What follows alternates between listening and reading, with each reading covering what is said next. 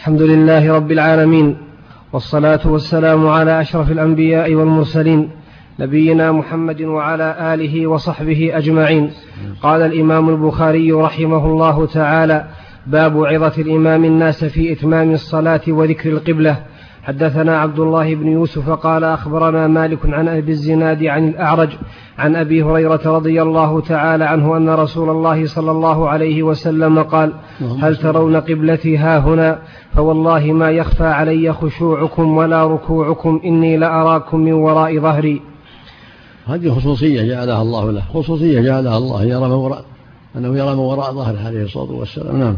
حد الصلاة في الصلاة نعم. حدثنا يحيى بن صالح قال حدثنا فليح بن سليمان عن هلال بن علي عن أنس بن مالك رضي الله تعالى عنه قال صلى لنا النبي صلى الله عليه وسلم صلاة ثم رقي المنبر فقال ثم رقي المنبر فقال في الصلاة وفي الركوع إني لأراكم من ورائي كما أراكم.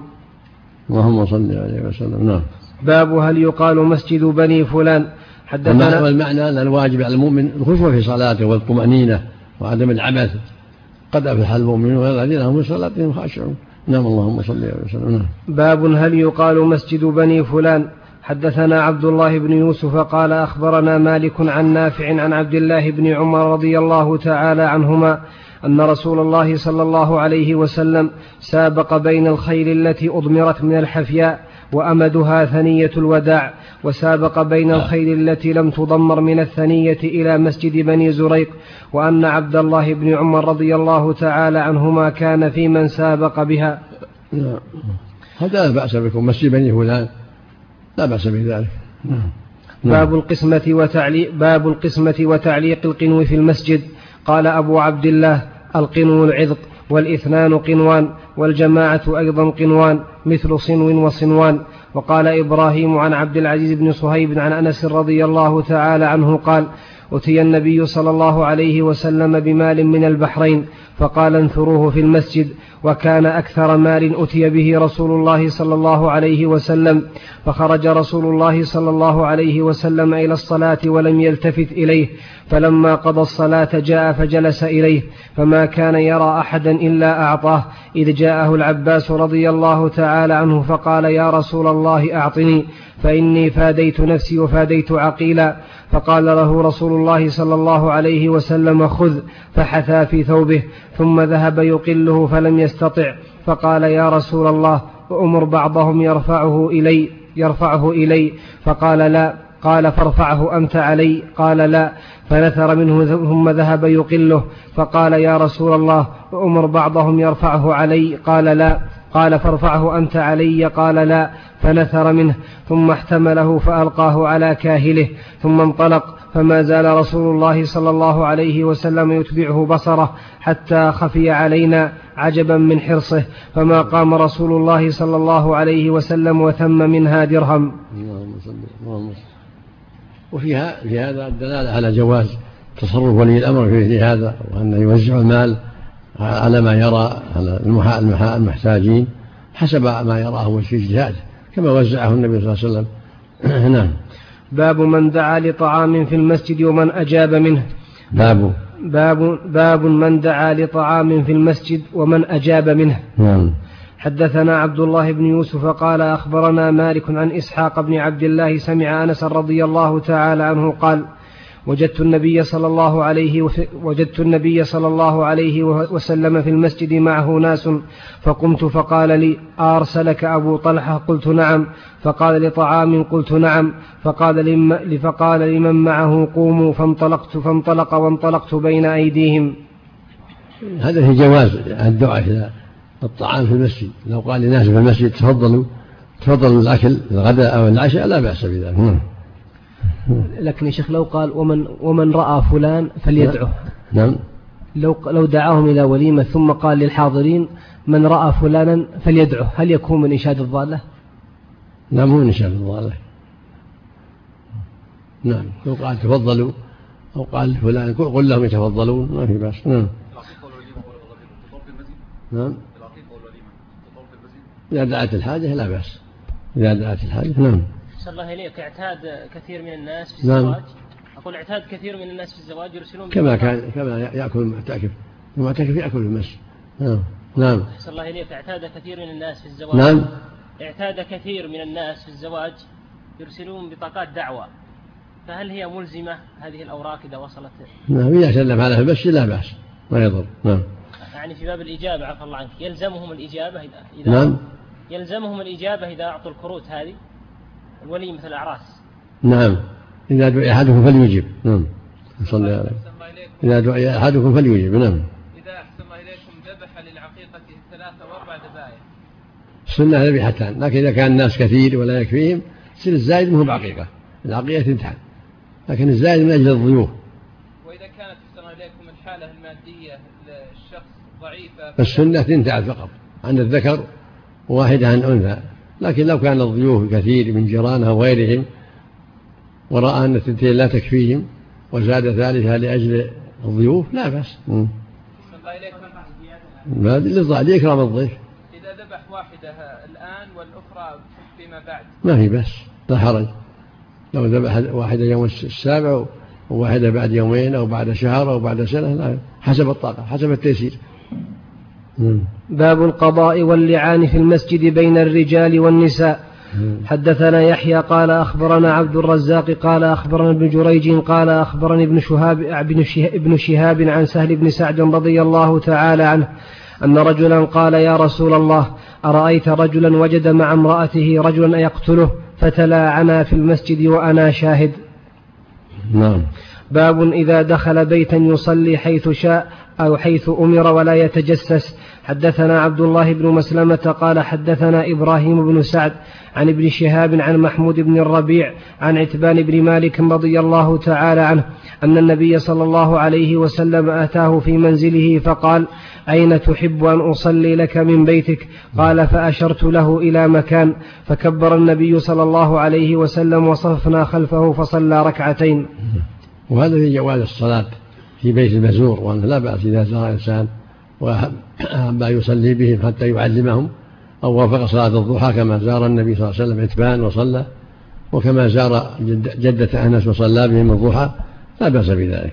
إذا زارهم وصلى بهم ركعتين ليعلمهم أو لأنها صادف صلاة الضحى أو لأسباب أخرى من الأمور الشرعية. نعم. من باب الجواز. نعم. لو اتخذ أحسن الله بعض الناس عادة إذا أراد أن يصلي الضحى دعا معه رجلا أو رجلين.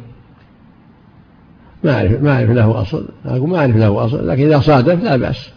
أما كون يتحرى ذلك ما ما أعرف له أصل.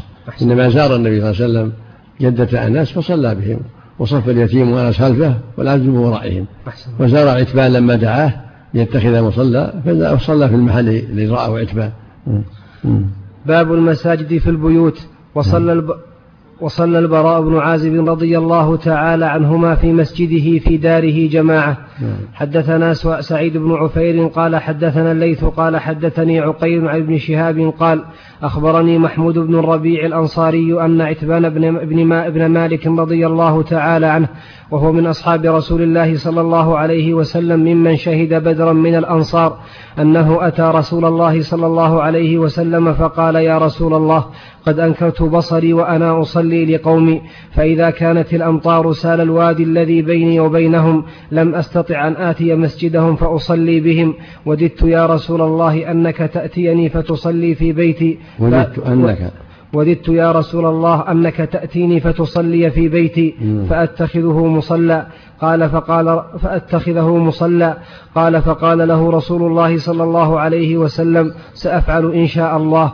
قال عتبان فغدا رسول الله صلى الله عليه وسلم وأبو بكر رضي الله تعالى عنه حين ارتفع النهار فاستأذن رسول الله صلى الله عليه وسلم فأذنت له فلم يجلس حتى دخل البيت ثم قال أين تحب أن أصلي من بيتك؟ قال فأشرت له إلى ناحية من البيت فقام رسول الله صلى الله عليه وسلم فكبر فقمنا فصففنا فصلى ركعتين ثم سلم قال وحبسناه على خريزة صنعناها له قال فثاب في البيت فثاب في البيت رجال من أهل الدار ذو عدد فاجتمعوا فقال قائل منهم أين مالك بن الدخيش أو ابن الدخشن؟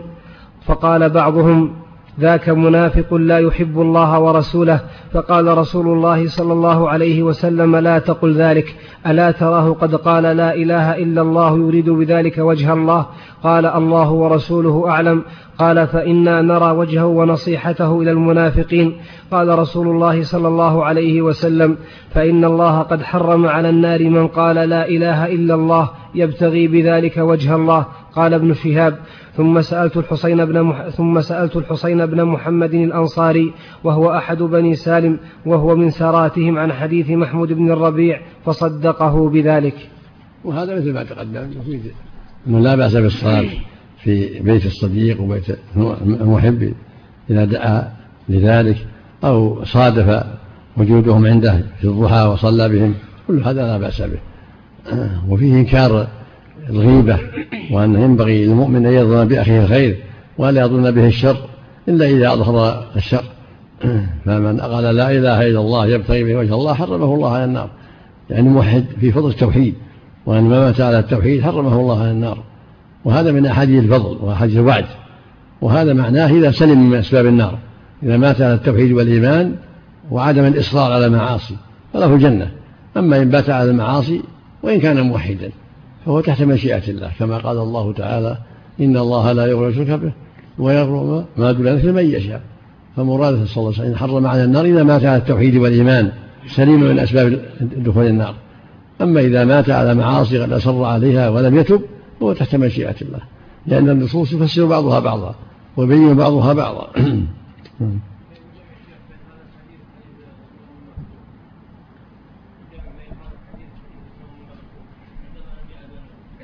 مكتوم. لأن ما له عذر. أما هذا له عذر إذا سأل الوادي ما يستطيع يروح.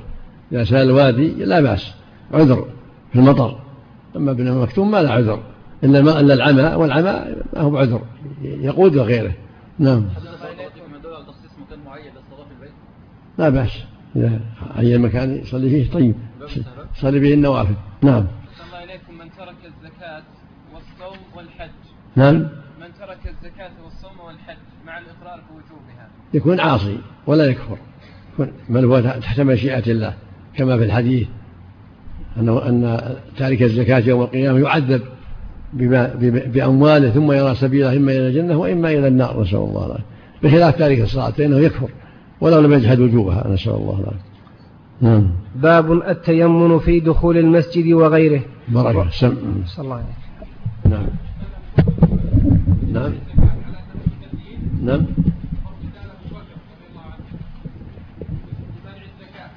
لأن لارتدادهم لأنهم ارتدوا وجحدوها ومنعوا تسليمها. نعم. نعم سم. نعم. يعني يتحرى المكان المناسب الذي ما فيه تجسس أو الذي يأذن فيه صاحبه. نعم. نعم. نعم. Mm.